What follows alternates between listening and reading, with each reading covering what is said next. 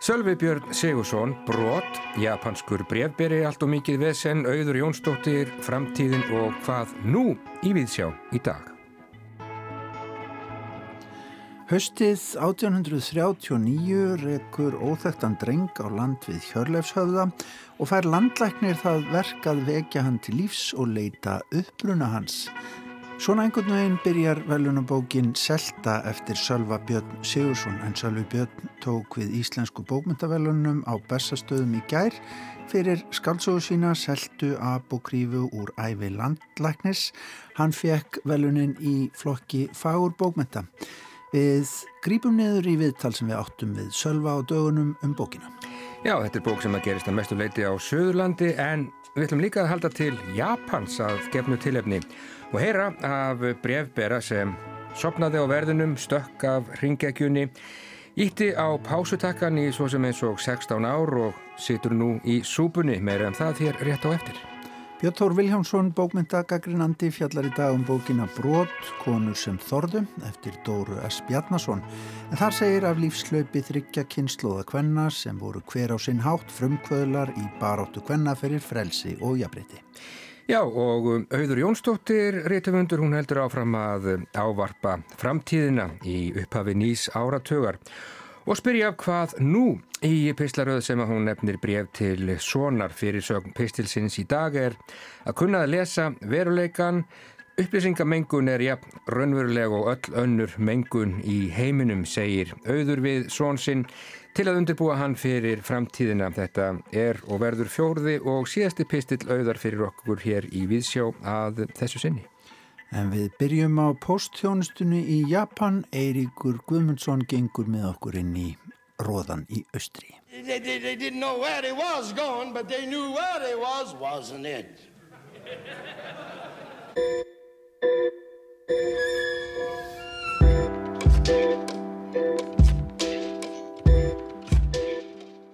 Kundags vélmenni, það er nákvæmlega það sem við erum á getu hlustendur.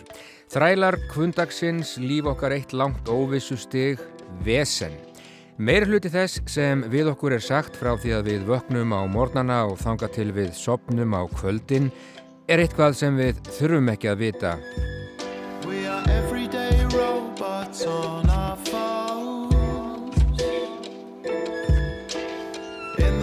process of getting home.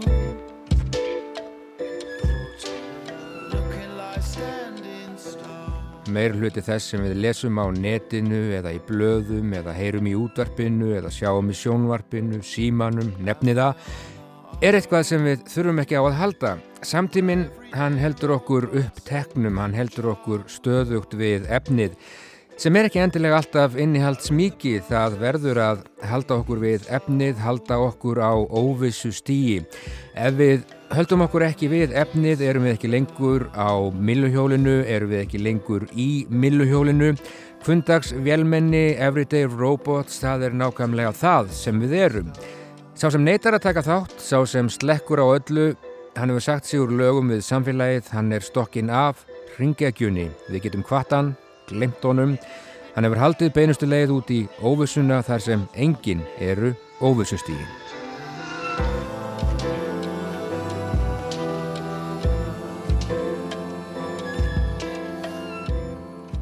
Í síðustu viku var frá því greint í fréttum að fyrverandi brefberi í Japan ætti yfir höfðu sér ákæru eftir að laurugla komst að því að hann staplaði upp öllum postunum sem hann átti að bera út.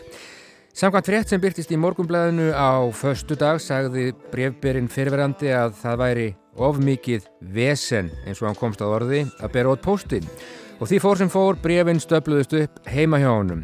Samkvæmt fjölmiðlum í Japan þá fundust um 24.000 sendingar á heimili brefberans fyrirverandi sem er 61 á skamall bref frá árunum 2003 til 2019. Það eru lítil 16 ár. Haftar eftir brefberanum í morgunblæðinu að uh, hann haf ekki viljað að samstarfsfélagar sínir heldu að hann gæti minna en yngra fólkið. Það búið að reyka mannin úr starfi, hann á nú yfir höfði sér sekt eða alltaf því þryggja ára fangelsisvist vegna málsins.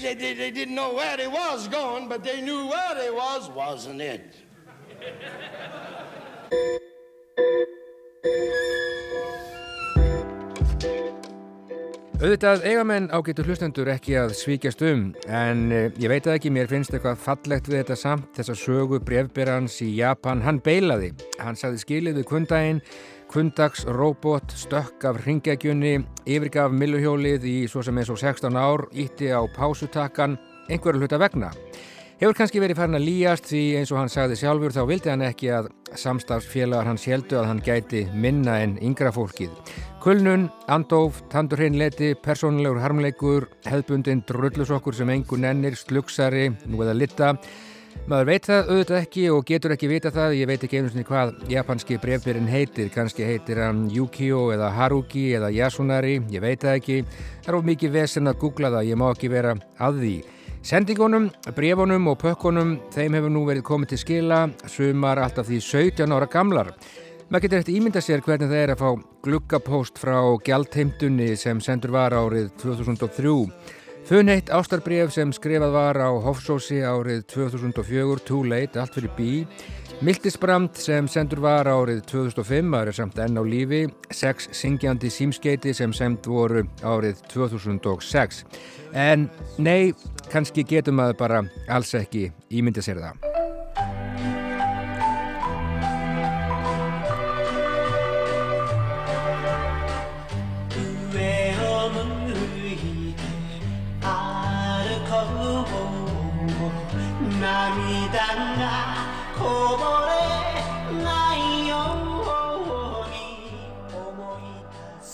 En ágættu hlustendur nú mæli ég ekki endilega með því að menn fylgi fordæmi japanska brefberans leggji niður vinnu, svíkist um, nei nei. En það er eitthvað heitlandi við þetta samt að beila, neita að bera út postin, ekki bara í viku, ekki í mánuð, heldur heil 16 ár. Svíkjast um með nákvæmlega þessum hætti. Þetta er reyndar og óneitanlega nokkuð langur tími 16 ár. Árið 2020 og hjólinn snúast einfallega allt of hratt, það er allt á yfir snúningi, það eru allir á yfir snúningi og óvissustíginn rannast upp og engum leiðist að minnstakostið mjög fáum, sagt er að í New York séu aldrei fleiri en 6 metrar í næstu róttu. Metrarnir eru ekki svo margir þegar aftreyingir annars vegar hún er alltaf innan seilingar og upplýsingarnar fréttirnar slúðið sem við höfum nákvæmlega ekkert með að gera. Í blöðunum okkar sem við lesum daglega er nú varla nefna um tvemt að velja vittleysu og óþarfa, orti Sigfú Staðarsson á sínum tíma. Og svo fáum við, ef út í það er farið, allt of mörg bref, flest skarta illafægðum glukkum. Það er aldrei fleiri en 6 metrar í næsta glukkapóst ef út í það er farið. Mikið vildi ég að vakthafandi brefberi í postnúmeri 107 Reykjavík til dæmis tæki sér smá pásu. Ég er ekki að byggja um 16 ár en vika, mánuður, hálft ár væri óneitanlega vel þeið.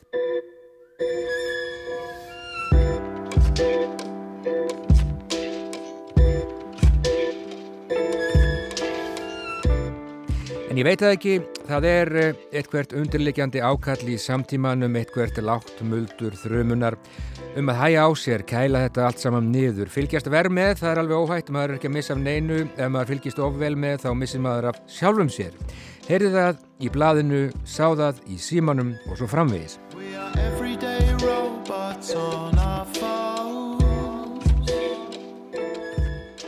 Of mikið vesen, sagði japanski brevberinn, lífið er of mikið vesen. Tilfelli hans er reyndar ekki einstakt árið 2014 var brefberinn Jósef Brucato þá 67 ára gammal handtekinn í New York fyrir að geima svo sem eins og 40.000 óutborin brefa á heimili sínum í bílnum og í skáp á vinnustafnum. Þetta var postur frá nýju ára tímabili og vóð hvorki meirann í minna en 1,1 tonn. Brucato mun hafa þjást af þunglindi og barfið persónulegum ástæðum. Kundags velmenni það er nákvæmlega það sem við erum, sirkusapar, hamstrar í hjóli, rækjur í rússibana, dansandi dominós, kuppar, líf okkar eitt, þrótlaust, gullfiska-marathón, byrjar hverki, endar hverki, svo fáum við bref.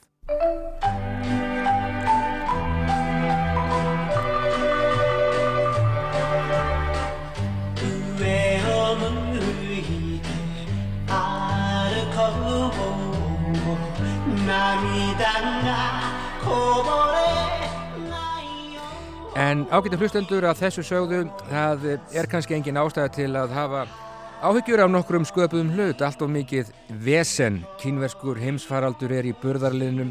Óvissustígi hefur verið líst yfir á Íslandi, jörð, skjelfur á Reykjanesi, best að halda sig bara heima fyrir, lang best og kannski eina vitið nú sem aldrei fyrr. Hvað sagði ekki Pascal, öll ógefa mannkinn stafar því að maðurinn er ófæður um að setja þau öll í herberginu sínu einn. Það skildi enginn fara út úr húsi, allt of mikið vesen. Miðugudagur og hugurinn reykar friðlaus allarleið til Japans. Ég hugsa um japanska brefberan, hvort sem hann heitir Yukio Haruki eða Yasunari. Kundags robotan sem lagði niður vinnu og vona svo innilega að hann sleppi við refsingu verði honum á annað borð refsað verði refsingin mjög væg.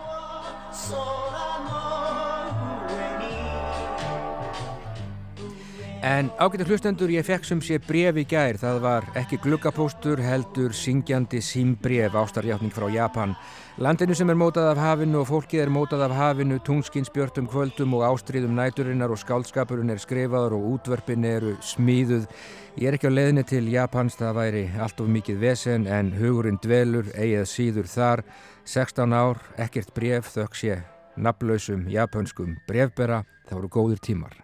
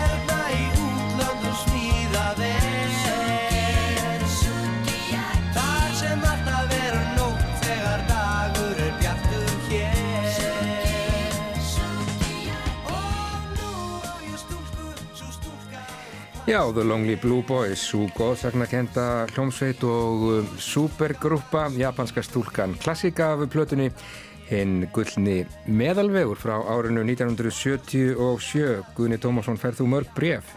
Ekki frá Japan, því miður. Nei, en myndur þú velja posturinn í postnúmeri nummer 107 færi... Færi sér hægar? Færi í verkvall eða tækir sér allavega smá pásu, kannski ekki 16 ára en þrjá mánuði kannski. Það er nú aðalega rull, rullposturinn sem maður hefur áhugir af. Já, hann er vestur. Hann er vestur. Já, en við ætlum að snúða okkur næsta bókum hér í Víðsjá á meðugudegi Björn Þór Viljámsson Hann hefur verið að lesa aðteglisverða bók Brot eftir Dóreis Bjarnason er sagfræðilegt verk og raunar sögulegt rannsóknarverkefni þar sem höfundur leitast við að draga upp mynd af lífslaupi þryggja kvenna og bregða um leið byrtu á allt í senn, lífsreynslu og æfiskeið sem ekki hefur áður þó tilefning til að halda til haga og varðveita og mótunar öflin, samfélagsviðmiðin og menningar umhverfið sem í ekki svo íkja fjarlægri fortíð sniðu tilvistalegu andrými kvenna stakk. Stakk. Konurnar sem hérum ræðir tilhyrðu auðvitað tiltekinni stjætt, enginn þeirra var fætt í fátækt og mentun stóðum til bóða, nokkuð sem beindi lífi þeirra strax í ákveðin farveg. Aðspurðar myndu þær hafa rakið uppruna sinn og þjóðerni til meginlands Evrópu og mikilvæga Íslandstengingu áttu allar þrjár jafnframt sameinlega. Þetta eru þær Adelín Ritterhaus, fætt árið 1867 og látin 1924, dóttir hennar Ingi Björg Esti Há Bjarnason 1901 til 1967 og að síðustu dóttir Ingi Björgar vera Sildsir, fætt 1927 og látin 2004. Þarna er með öðrum orðum um þrjá ætliði í móðurleika ræða og saman spannar saga þeirra alla 20. öldina og gott betur að viðbættum svo tíðumferðalugum og fjölbreytni hvað dvalarstæði varðar að næri drömkjent er að rekja ferðir þeirra með landakort sér við hlið. Í vissum skilningi hefst sagan með afa höfundar. Þorleifur Há Bjarnason var sildur háskólamæður sem numið hafi latínu í Kaupanahöfn þegar hann tekur þá ákverðun árið 1897 að ferðast til Þískalands og Sviss til frekara náms. Ferð svo reyndist afdreifarík því þar kynnist hann bráðskemtilegri og eldklári konu áður nefndri Adelín sem um þær mundir er að ljúka doktorsprófi hinnu minna frá háskólanum í Súrík. Þar sem hún var samtíða, öðrum nefnda, Alberti nokkrum Einstein. Sérgreinar Adelín voru málfræði og germönsk mál, en þess utan lærði hún einnig fort grísku, latín og sanskrít og vildi bæta við sig íslensku, færisku og öðrum norðurlandamálum og það var Þorleifur sem tókaði sér kjensluna. Nokkrum árum síðar laukun doktorsprófi hinnu meira og hugði á engungu í akademíuna. En þegar hingaði komið sögum hafði ímislegt breyst, þau þorleifur urðu ástfóngin og giftust og Adelín fluttist tímabundi til Íslands og síðast en ekki síst þá hafði hann eignast dóttur, Yngibjörgum, söguhetju næsta hluta bókarinnar. Áður en lengrir haldið er þó rétt að staldra í augnablík við nafn bókarinnar brot. Vissulega er um brot úr lífi hvennanna þryggja ræða. Frásökt Dóru er ekki tæmandi og eitt af því sem hefnast vel við rítunverksins er að höfundur stýgur reglulega inn í frásögnina og staðsetur sig anspænis söguefninu. Og þá við bæði um tilur þess og vinnuferðlið sjálft. Eins og gefur að skilja var oft fátt um heimildir, sum bref Adelín til Þorleifs hafa varðveist og þau eru nótuð, samofið um bref sem Ingi Björg skrifar á ákveðnum tímabilum, en fanga er leitað víðar. Viðtölur í tekin, lagtir í rannsóknarleðangra, skjálasöfn og önnursöfn eru heimsótt, en ýmsum spurningum verður ekki svarað. Meira er vitað um sum tímabil í lífi kvennana en önnur og það eru því brot sem höfundur vinnur með og ber á borðið fyrir lesendur. Hér er þó ekki um galla að ræða. Dóra hefur unni mikið og fróðlegt starf með rannsóknum sínum og brotin eru hillandi. En auk þess að vera brot úr lífi kvennana þryggja er bókin jafnframt brot úr sögu sem ekki var skrifuð, sögu kvenna.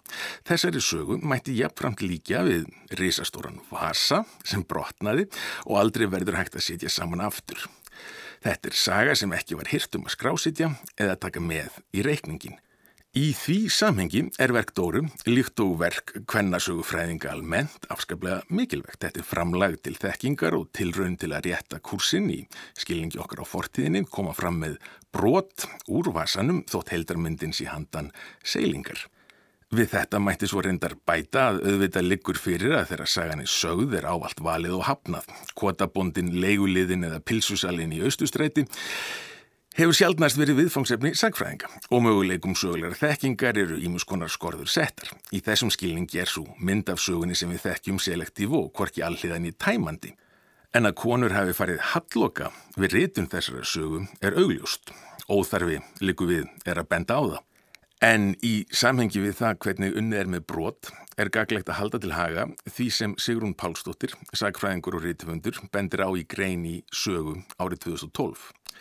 Þar bendir Sigrun á mikilvægi þess að fjalla um konur í sagfræðilegu samhengi ekki út frá því sem kalla mætti stórsögulegt sjónarhort Karla, Viðmiðum sem þegar hafi verið mótuð og gefið mikilvægi en nægi ekki til að gera grein fyrir markbreytileika mannesku hvort sem það er í fortíð eða nútíð.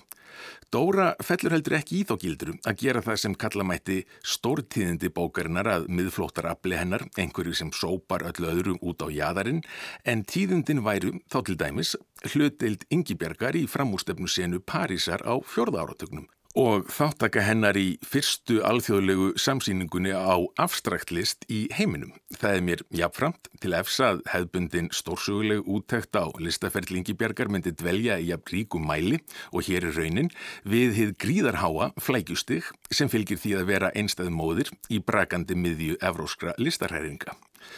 Núna hins vegar langar mér til þess að venda hvaði mínu örlítið í kross og vitna í grein sem byrtist síðsumars í morgumblæðinu ári eftir andlát Adelín eða 1925 þar sem fjallað er um stöðu kvenna í því sem þá var nútíminn. Þar segir Fortíðin ól konun upp sem kinnferðis veru einvörðungu, þannig að hún yrði sem útgengilegust barneigna vél. Þegar maðurinn stopnaði heimili sitt, þá var konan húsgagn húsgagnana. Hún let sér vaksa sítt hár og lærði frá bernsku að höfða til verndar eðlis og rittaraskapar hjá karlmanninum og haga sér mjúkt og sætlega í samkvæmum. Vandist á að láta hjálpa sér upp í vagnin, standa upp fyrir sér í sporlestinni, opna fyrir sér dyrnar, borga fyrir sér á skemmtustöðunum og bjóða sér að ganga á undan utan í björgunabátin í lífsáska. Æ, hver fegurt, æ, hver hærandi, skýtur höfundur hér háðslega inn í svega. En þetta voru bara hundakunstir og skollaleikir, heldur hann áfram. Eftir giftinguna varð hún að hýrast heima meðan maðurinn var önnum kafin út í frá við Ímis ofinber störf í þáu þjóðar og menningar. Hún stóð mitt í krakkavaðinum og sópaði rík af húsgögnunum eða gaf skipanir með gröytin, sefasjúk, fáfróð og ólétt. Höfundur þessar orða var Karlmaður, kornungur uppskapningur, þá nýbyrjaðar að kenna sig við Lagsnes í Mósfellsveit. Auðvita verður að setja fyrirvara við Karla í samfélagslegu björguna hlutverki hvert minnumáttar, kannski er það bara önnur tegund af rittaraskap og alltaf er auðveldar að skrifa en að lifa. En Ritgerð Haldórs um drengjakollin á íslensku konuna er þrátt fyrir allt dálítill gullmóli og það gneistar af henni í allri Karlafílunni í megin ströymi íslenskra blada og tímarita tíma tímabilsins og mér var hugsað til hennar í samengi við brot vegna þess að konundan þrjár sem Dóra segir frá hafna allar hefðbundnum hvern hlutverkum síns tíma neita að leika engil heimilisins láta standu fyrir sér og hjálpa sér gegnum dyr. Þær sjá í gegnum þessi bótenkinn tjöld tilgangslausrar kurtesi og fáaðrar falshegðunar og greina kúnina og einræðið sem likjað baki. Í staðin sækja þær sér mentun og reynslu og skapa sér lífi í menningar umhverfi sem næri lærir þær vitsmunalega og andlega. Sem einstæðar mæður segja líka tvær af þremur aðalpersonum bókarinnar skilið við samfélagslega, menningarlega, sögulega og að sumuleiti lagalega skilist skapalón móður hlutverksins. En Haldur var auðvitað útópist þengjandi og svo mynd sem hann drefur upp af íslensku nútímakonunni árið 1925 var fjarið því raunsun nema í undantekningatilvikum kannski og farvegurinn að lífsáttunum sem þarna er haldið á lofti átti ekki eftir að verða sæmilega auðsóttur fyrir löngu, löngu síðar. Þetta er nokkuð sem frásögn Dóru drefur fram og ítrekkar hvað eftir annað. Þrátt fyrir að vera afskaplega hæfur fræðumæður fær Adelín ekki háskólastarf í Þískalandi, einfallega vegna þess að á þessum tíma var konum meinaðum að gegna slíkum stöðum. Þeim var raunar meinaðum bæði háskóla og mentaskólagöngum sem útskýrir af hverju Adelín flistum set til Súrík. Þegar dóttir hennar Ingi Björg sækir um engöngu í læknisfræði við Háskóla Íslands um miðan fjörða áratugin, þá til að nema lífefnafræði og kemst inn, brítur hún staðalmyndir og er frávikið holdiklætt. Sjálfgeft var að konur stunduðu læknisfræði á þessum tíma og fáhirt að þær gerðu það samhliða vinnu og barna uppeldi. Listamanna kreðsur Parísar, mannaðar helgimyndabrjótum lista og samfélags, voru þeirra öllu var á botnin kvólt, heldur ekki svo ger ólíkar þeirri borgarlegu veröld sem að nafnun til var hafnað og stríkt gegn. Konur áttu erfitt uppdráttar í myndlistin á þessum tím, segir Dóra í kaplanum sem lýsir fyrstu kinnum yngibjargar af bóheimalífin í París og heldur svo áfram. Þær voru sjálfnast teknar alvarlega af körlunum í hópnum, skrifuðu kvorkinni töluðum kenningar að baki listarinnar. Meðan karlarnir rögrættu fræðin af hita, langt fram á nótt, var ekki kallað eftir sjónarhortni kvennana en þær móttu hlusta. Þetta er lýsing sem gæti átt við samskipti Karl og Kvenna í svo óskaplega mörgum félagslegum og listrænum byltingarhópum knúnum áfram af réttleitiskendiða sköpunar vilja Karla alla 20. öldina. Brotin eru það sem við höfum, eins og ég nefndi hér að ofan, og í því fælst auðvitað ákveðin harmleikur. En brotin sem Dóra S. Bjarnason sapnar hér saman til að segja sögum þeirra Adilín, Ingi Bergar og Veru, er í senn upplýsandi og afskaplega skemmtileg og forvitnileg aflestrar, fortíðin vaknar og lifnar fyrir lesanda og samveran við þessar merkilegu manniskur er heilmikil gjöf. Sagði Björn Þór Viljámsson um bókina Brot eftir Dóru S. Bjarnason, bók sem að fjallar um lífslaup þryggja hvenna sem að voru frumkvöðlar á ýmsum sviðum. Upplýsandi og skemmtileg brot sagði Björn Þór og já, greinilega mjög áhugaverð bók þarna á ferð. Já, en auður Jónsdóttir Rittvöndur hefur hér í Víðsjáunda farnað þrjá miðugudaga ávarpað framtíðina í upphafi nýs áratugar og spurt hvað nú? Í pislaröð sem hún hefur nefnt bref til sonar en fyrirsök pistilsins hjá henni í dag er að kunna að lesa veruleikan. Upplýsingamengun er jafn raunveruleg og öll önnur mengun í heiminum skrifar auður sinni sínum til að undibúa hann fyrir framtíðina. Þetta er síðasti pistil í pislaröðinni.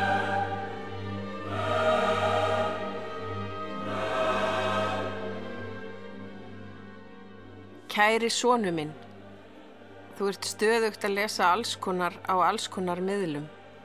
Þið vinirnir, átt ára, að flissa yfir allri vittlusunni sem þið finnið á netinu. Stundum hef ég áhyggjur af því að þið takið henni of bókstaflega.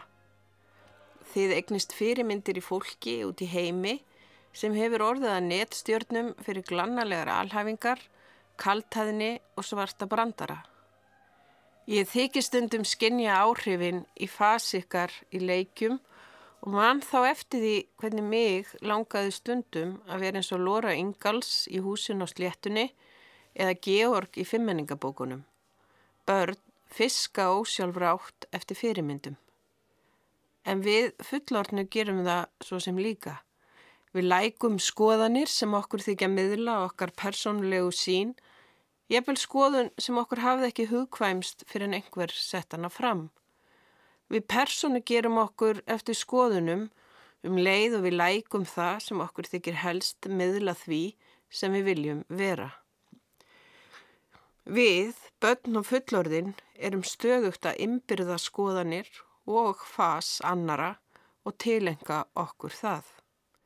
Í rauninni er við að svo litlu leiti sjálfsbrottin og nútímin er þannig að við verðum stöðugt fyrir áhrifum úr ólíkum áttum, oft án þess að gera okkur grein fyrir því eða hugsa út í það.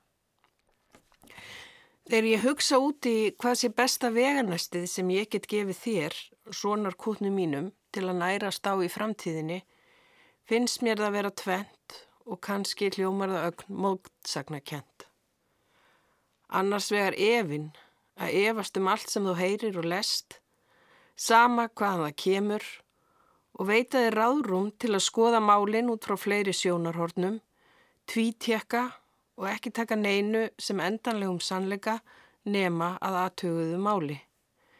Vertu alltaf ósmeikur við að skiptum skoðun ef að fleiri sjónarhort kalla á það og varastu að personu gera þig eftir skoðunum þínum því um leið og þú gerir það skapast hætta á að þú standi vörð um vittlösa skoðun eða að þú ráfir inn í félagsnet þar sem skoðanir þínar litast af félagslegri samstöðu. Hitt er að þú standir með sjálfum þér, ósmeikur við að móta þér sjálfstæða sín í hverju máli. Og einmitt það getur verið flókið í flókinni nútíma menningu. Umræðan er flókin, sjónarhornin flökta, upplýsingar streyma allstaðar að, það sem var rétt í gær er orðið ránt á morgun. Hlutin er oft svo markþættir, áróðurinn öflugur úr bæði augljósum og lúmskum áttum. Þannig að við þurfum alltaf að vera meðvitið um hvaðan upplýsingar berast okkur og á hvaða forsendum. Hver er uppsprettað þeirra?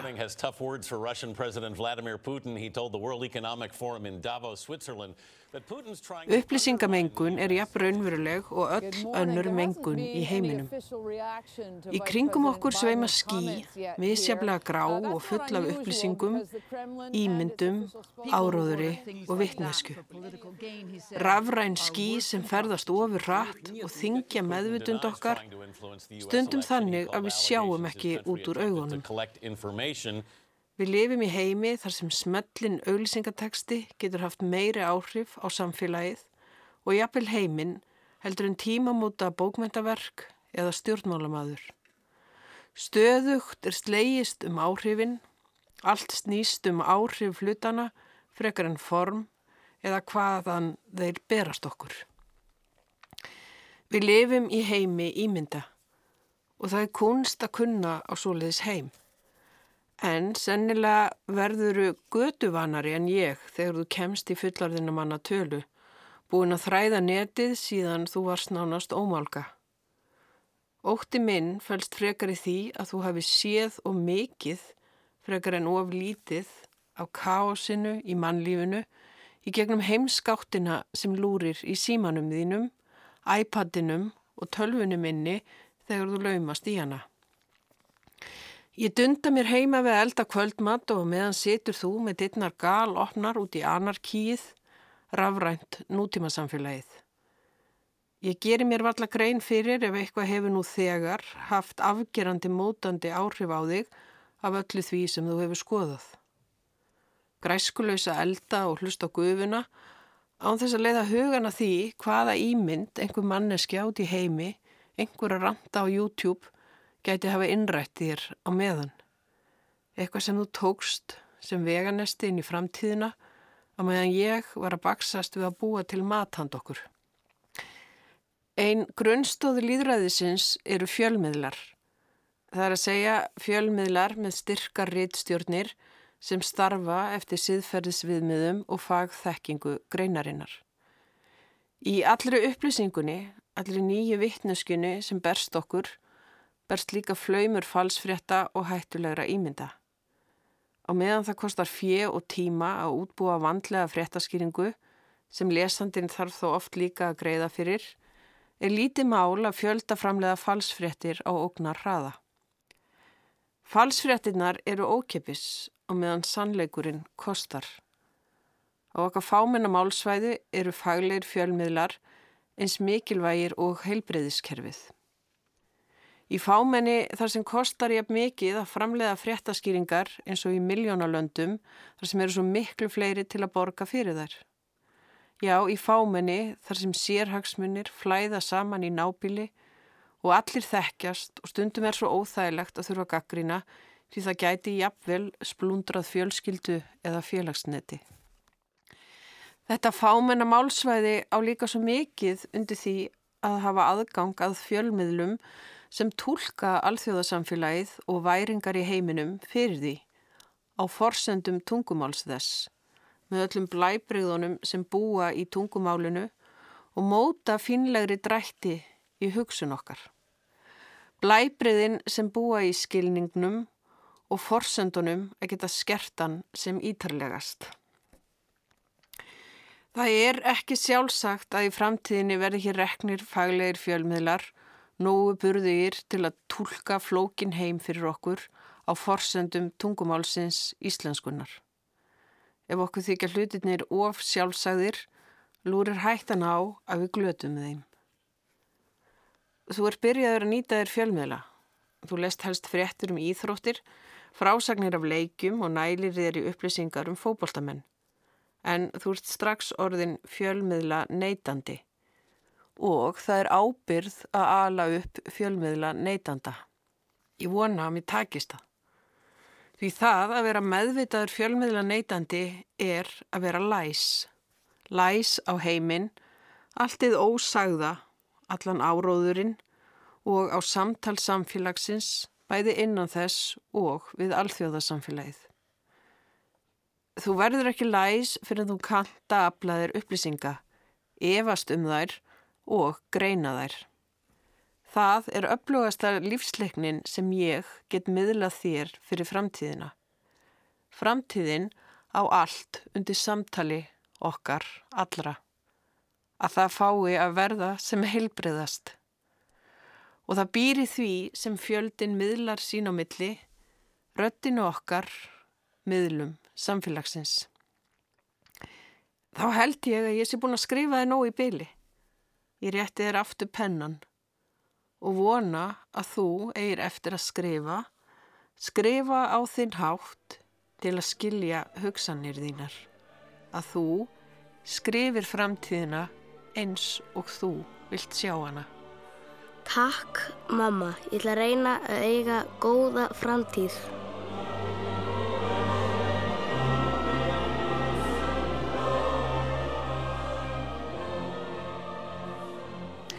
Auður Jónsdóttir, Leifur, Otto Þorrensson og Bach hér í Víðsjá á meðgudegi. Fjörði og síðasti pistill undir fyrir sögninni uh, bref til Sonar. Uh, við sjáum til hvað gerist hér í Víðsjá að viku liðni. Já, en þá ekki hafa farið fram hjá hlustendum Víðsjára í gær voru aðfend við hátilega aðtöfn í bestastaðastofu af Guðuna T.H. Jóhannesinni fórseta Lífveldisins Íslensku bókmentavelunin og þau hlaut í flokki fagbókmenta Sölvi Björn Sigursson fyrir skaldsögu sína Seltu, apokrífu úr æfi landlæknis. Það finnst barn á söndunum við Hjörleifshöfða á Suðurlandi dularfullt mál sem að já, býr til einhvers konar ferðasögu um landið þar sem að landlagnir ferðast á samt þjóni sínum. Við rættum við sölva þegar bókin kom út og grípum aftur niður í það ágæða viðtal.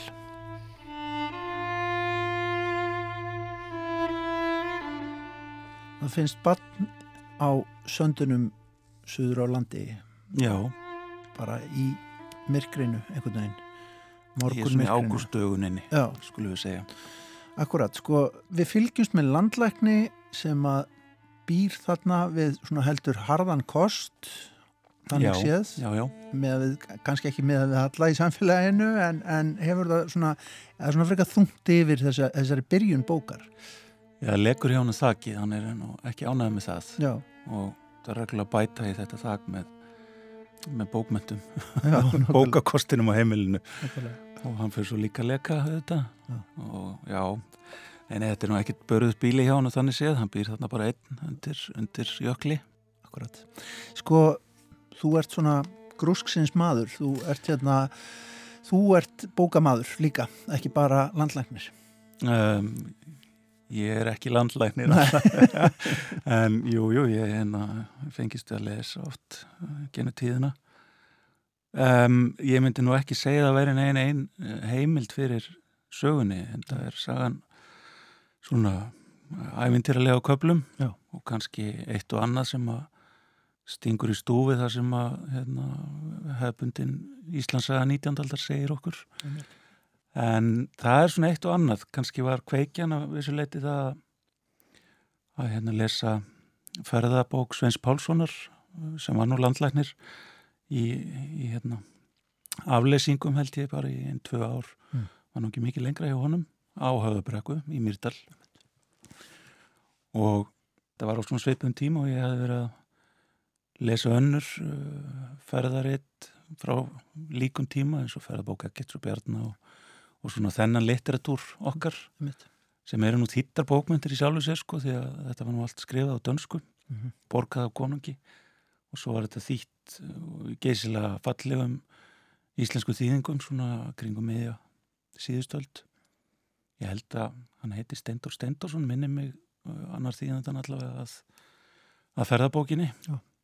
og hún ber í sér mikla gnótt af fögrum orðum og skemmtilegum lýsingum og bara gaman að lesa um það hvernig þessi maður var svona hvort í senn náttúrufræðingur sem var að skrásetja uh, ókannaðar lendur Íslands og svo tekur svo að sér í, í hjáarkum að líkna fólki þegar ekki annar finnst Mhm. til þess Drengur er við rumsk og Undertaker komin aftur út á tún að brinna hestum Ég horfi á þetta barn og spyr mig hvers vegna það liggur hér yfirgefið undir hausthimni Bein hans eru ónæg af kalsíum, varir hans og neglur benda til að hann hafi lengi ekki haft viðunandi næringu. Þrátt fyrir sjáarvolk og þara svefn má bak við eiru hans og á táfittum sjá margskonar sandbrekkur og mold. Hársförður er með mýrarauða sem ekki er komin úr sjó. Hann er lúsugur og með flóm en þeim pöttum drekki ég heið snarasta í balsam og lefes. Ég ber spritt á tær og fingurgóma og velgi vatn til að skólan með. Hann er á að giska átta eða nýjára. Við varir hans eru rauvar og sár í hársverði og undir iljum. Fætur hans eru mjóir, líkamsár ekki að markitekin að vaksa. Á höfðið er hár hans dögt og þéttofið eins og ég hef ekki áður séð á sandi. Enni hans og lóvar bera enni sér kuldaða velkingi. Hann á vond með að vakna og snýr á grúfu þegar ég reyna að ljúka upp augninum. Iljar hans eru ljósleitari en ristar, lóvar fölleitari en handarbögg. Við ökla og undir iljum og fingurgómum ber mest á sárum en hnébjara líkamerki um ferðir og hælar um illan skópunað. Andlitið er grannleitt, augun stór, kinnbein í herrafalli. Í vinstri aukrók er sár af þurki. Munnur mjúri en aðrir drættir, eiru venjuleg, hálsmjór og langur frá herðablaði að höfukúpu. Í eirum byr ekki á greftri og fámerki um síkingu í andrum. Á reamúr er líka með hans stabill sangvat mæli. Hönd segir þó að hiti sér beittur og geti vísað upp, verð ekki varlega farið með ferðir. Sangkvæmt tímarými ætti ég vel að vita að engin ferð er skinsamlega með barni á þessum árstíma. Í köldu landi þar sem stríðar ár renna ætti fjöldi fótspóra að miðast við rótina að brekkunni hér eða brett túnsins. Það kemur fyrir á vetrum að ég lauga mig í tjörninni fyrir fram á bæin og hef þá undirbúið þá aðtöfn vel með því að tendra fyrst eld í bæ og leggja voðir sem ég get hlaupið beint undir á tittlingnum frá tjörn. Fá ég tilkynningu um döðvona mannesku sem þó má mögulega líkna ef vegalengdin millir mín og hennar er ekki laung, þá förum við Maltus í vetrarferð. En ég kann því aldrei mjög vel. Þetta er einn stór ófæra hér allt um kring og eins vist að við hestur drepumst nokkru áður en sjúklingurinn. Sá maður í fjöru sem setti barnið á sand veit þetta kannski ekki. Hann er í öllu falli ekki jafn fyrirrykjusamur og þá vetrardaga sem ég löga mig hér í tjörn. Þetta er saga sem að hefst, er það ekki 1839 eftir elda eins og, eins og það kemur fram eh, en maður fær á tilfinninguna upplýsingaöldin, hún sé bara komað aldrei senkt til Íslands einhvern veginn. Er það það sem að heillar þig aldrei líka að, hérna, að við erum svona einhvern veginn að því verðist pínlítið eftir á hann er að lesa, hann er að groppa þarna í Descartes og hitt og þetta Já, já. Þannig að, en það, svona, þessi upplýsingamaður íslenski, er það hann sem heillar þig? Já, kannski þessi sko kontrast að hérna, hann er þó að vissuleiti miklu upplýstari heldur en, heldur en flestir. Leimitt. Og eitt fára kannski sem hefur almennlegt aðgengi að svona fréttum hvers árs eins og það gerast eða hver, hver, hvers misseris eins og það gerast út í heimi fær sendt belgísk blöð það fær sendt belgísk blöð hafði hérna ratað ungur til Belgíu. Akkurat. sem er nú partur af flettu þessar bókar. Og kannski algjörlega rétt fyrst að ég nefndi Svein Pálsson og hans sögu að, að í sjálfu sér er, er uh, þessi saga einhver öðru leiti byggð á hans æfi er, hann var bara einblástur fyrir þennan karakter. En já, já, þetta er svona sko að sömuleiti líka held ég að bóki fari nú mörguleiti fram úr sér í, í því hvað margt er þó nútímalegt í, í lýsingum á aðstæðan fólks. Eins og svona kannski ekkit svo nútímalegt sambíli þeirra sem að standa auðangars mann ég var að lesa þá um hérna svona hugmyndi Foucaults um, um Holsveikra spítalan og, og hérna samfélagina útskúðu Já. Og langaði að hafa þetta með og rakst á einhverja heimildum sem ég fann svo aldrei aftur þannig að ég var nú eiginlega bara að skálta þetta frá grunni. Já. en um einhvers konar hæli þarna í skaftaversislu mm -hmm. hvort sem það var nú til eða ekki, bara mm -hmm. get ekki staðfesta í sjálfu sér en það skipti það ekki allir máli fyrir söguna Svo eru í þessari bók líka útlönd og það sögursvið, fortíðar og frá ferðarlögum landlæknis eh, Erlendis að það sækir hann heim til Íslands. Nauðbeigð hann að vissuleiti. Já. En það verða þarna strömkvörfi lífið hans, ungsmanns, um þrítugt, sem hann fer svona mis við æsku ástina og, og er rauninni badd sem hann er halvpartinn tekið að sér. Mm -hmm. Það verður þarna reykistefna í Belgíu sem að verður til þess að hérna, þau farast öll á mis og, og hann ferðast um halva Evrópu í leitað badninu mm. en það verður ekki þannig að hann fer þessi stað með svona manni sem var á þeim tíma sögunar svona hálfgerðu vesalingur mm.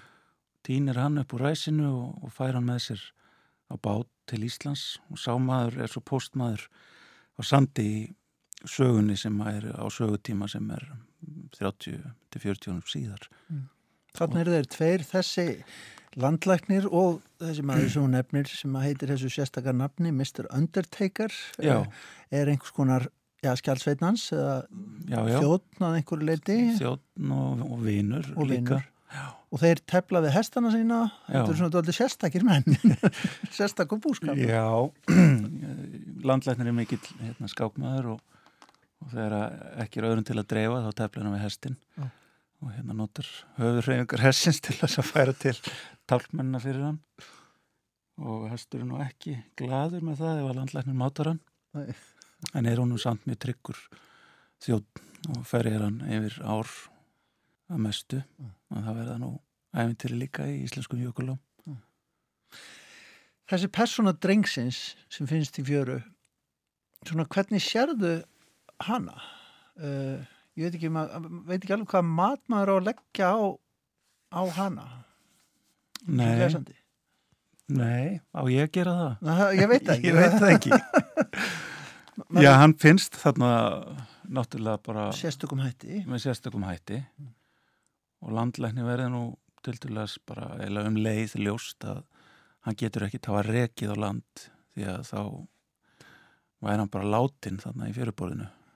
Í köldu hafi undir söður strand Íslands þá lefi nú engin lengi og alla 8-9 ára bann þannig að hérna hann og það, þetta kemur fram svo snemma í söguna að, þeir vinir, mister og, og landlæknir þeir sjá þarna reyfingu aðeins vestar á sandi og kemur það og í ljós að þarna er einhver manneski á ferð sem er skilit reyngin þarna eftir. En svo manneskina er að komast undan og ræðir bara út á haf með þarna með einhvern árabót. Og fyrir likur þá svo gáta hver þessi einstaklingur er og hvers vegna landlæknir færður þessi drengur með þessum hætti og þeir leggja upp í þessa miklu langferð þvert yfir Ísland.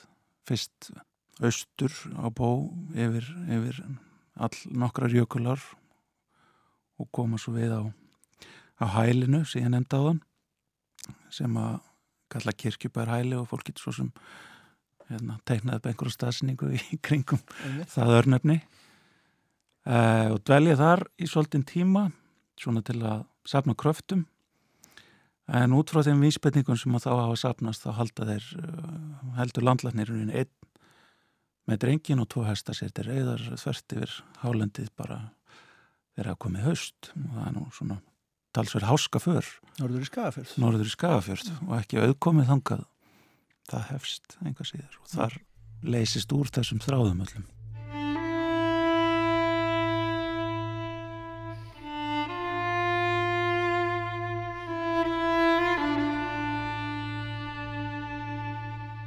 Í þessari skýslu hefur margt reyðjast upp sem ég held að væri liðið.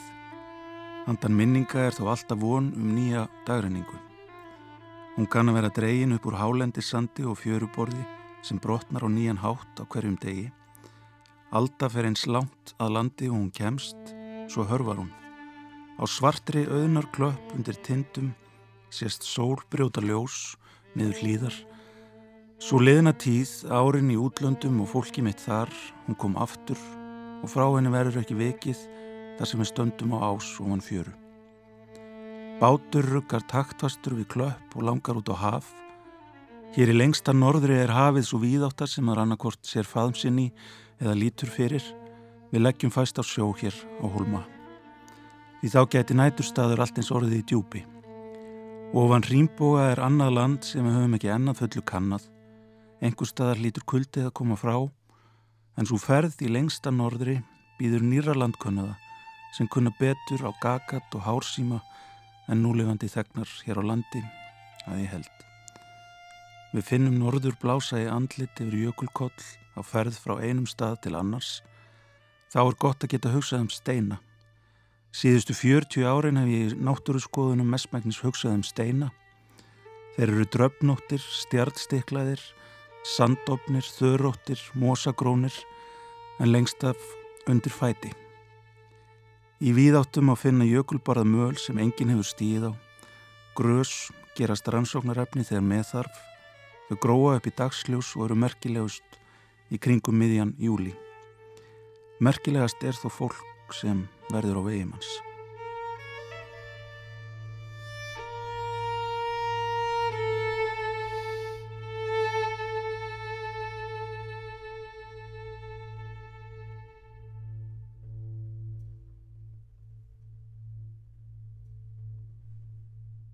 Er þetta að spyrja þig um einhvern veginn, hvað maður segja, áhrif að valda á textan sjálfan? Manni hérna, finnst þetta nú ekki, ekki taka það ítlu upp, en svona lagsne síst, skulum við segja. þetta er af því að maður er einhvern veginn fer svona út í miða-Európu líka, kemur nú upp hérna, hugmyndir um ákveðna bækur lagsnes. Getur vel verið, ég las lagsnes svo mikið þegar ég var yngri sko og ég hef nú eiginlega, eiginlega ekki lesið nema tvær bækur kannski í síðustu tíu árin. Já. en það auðvitað, þegar maður les einn höfund mikið þá kannski seitlast inn órað áhrif sem skila sér einhvern tíðan síðar. Það má vel vera. En hvað er það sem er svona heillandi fyrir þig við þennan tíma? hann er að vissu leiti svolítið tíma laus fyrir okkur einhver leiti og mér finnst þetta skemmtilegu tími til þess að skrifa einhvers konar fabúlu eða eventýri inn í sögulegan tíma en sem er svo sem hægt með hvaða tíma sem er. Mm. við reytum samt af skáldsögur sem gerist í okkar nútíma þá er maður mjög bundin tækni og því bara hvernig fólk lifir lífið sínu. Það kemur ekki heim og saman að, að manneska sé ekki til dæmis ákvæmum stað með síma og geti alltaf náði einhvern og svo framvegið sko. En þarna ræðum maður svolítið bara sjálfur hvernig sagan getur spilast á þess að þurfa að taka tillit til allra þessa atriða Mm. sem getur þetta nýst hins vegar mjög vel í, í, í reytun á, á samtímasögu sko Mhm. en hvað er svo samtímasaga það, það er hérna er annað mál sko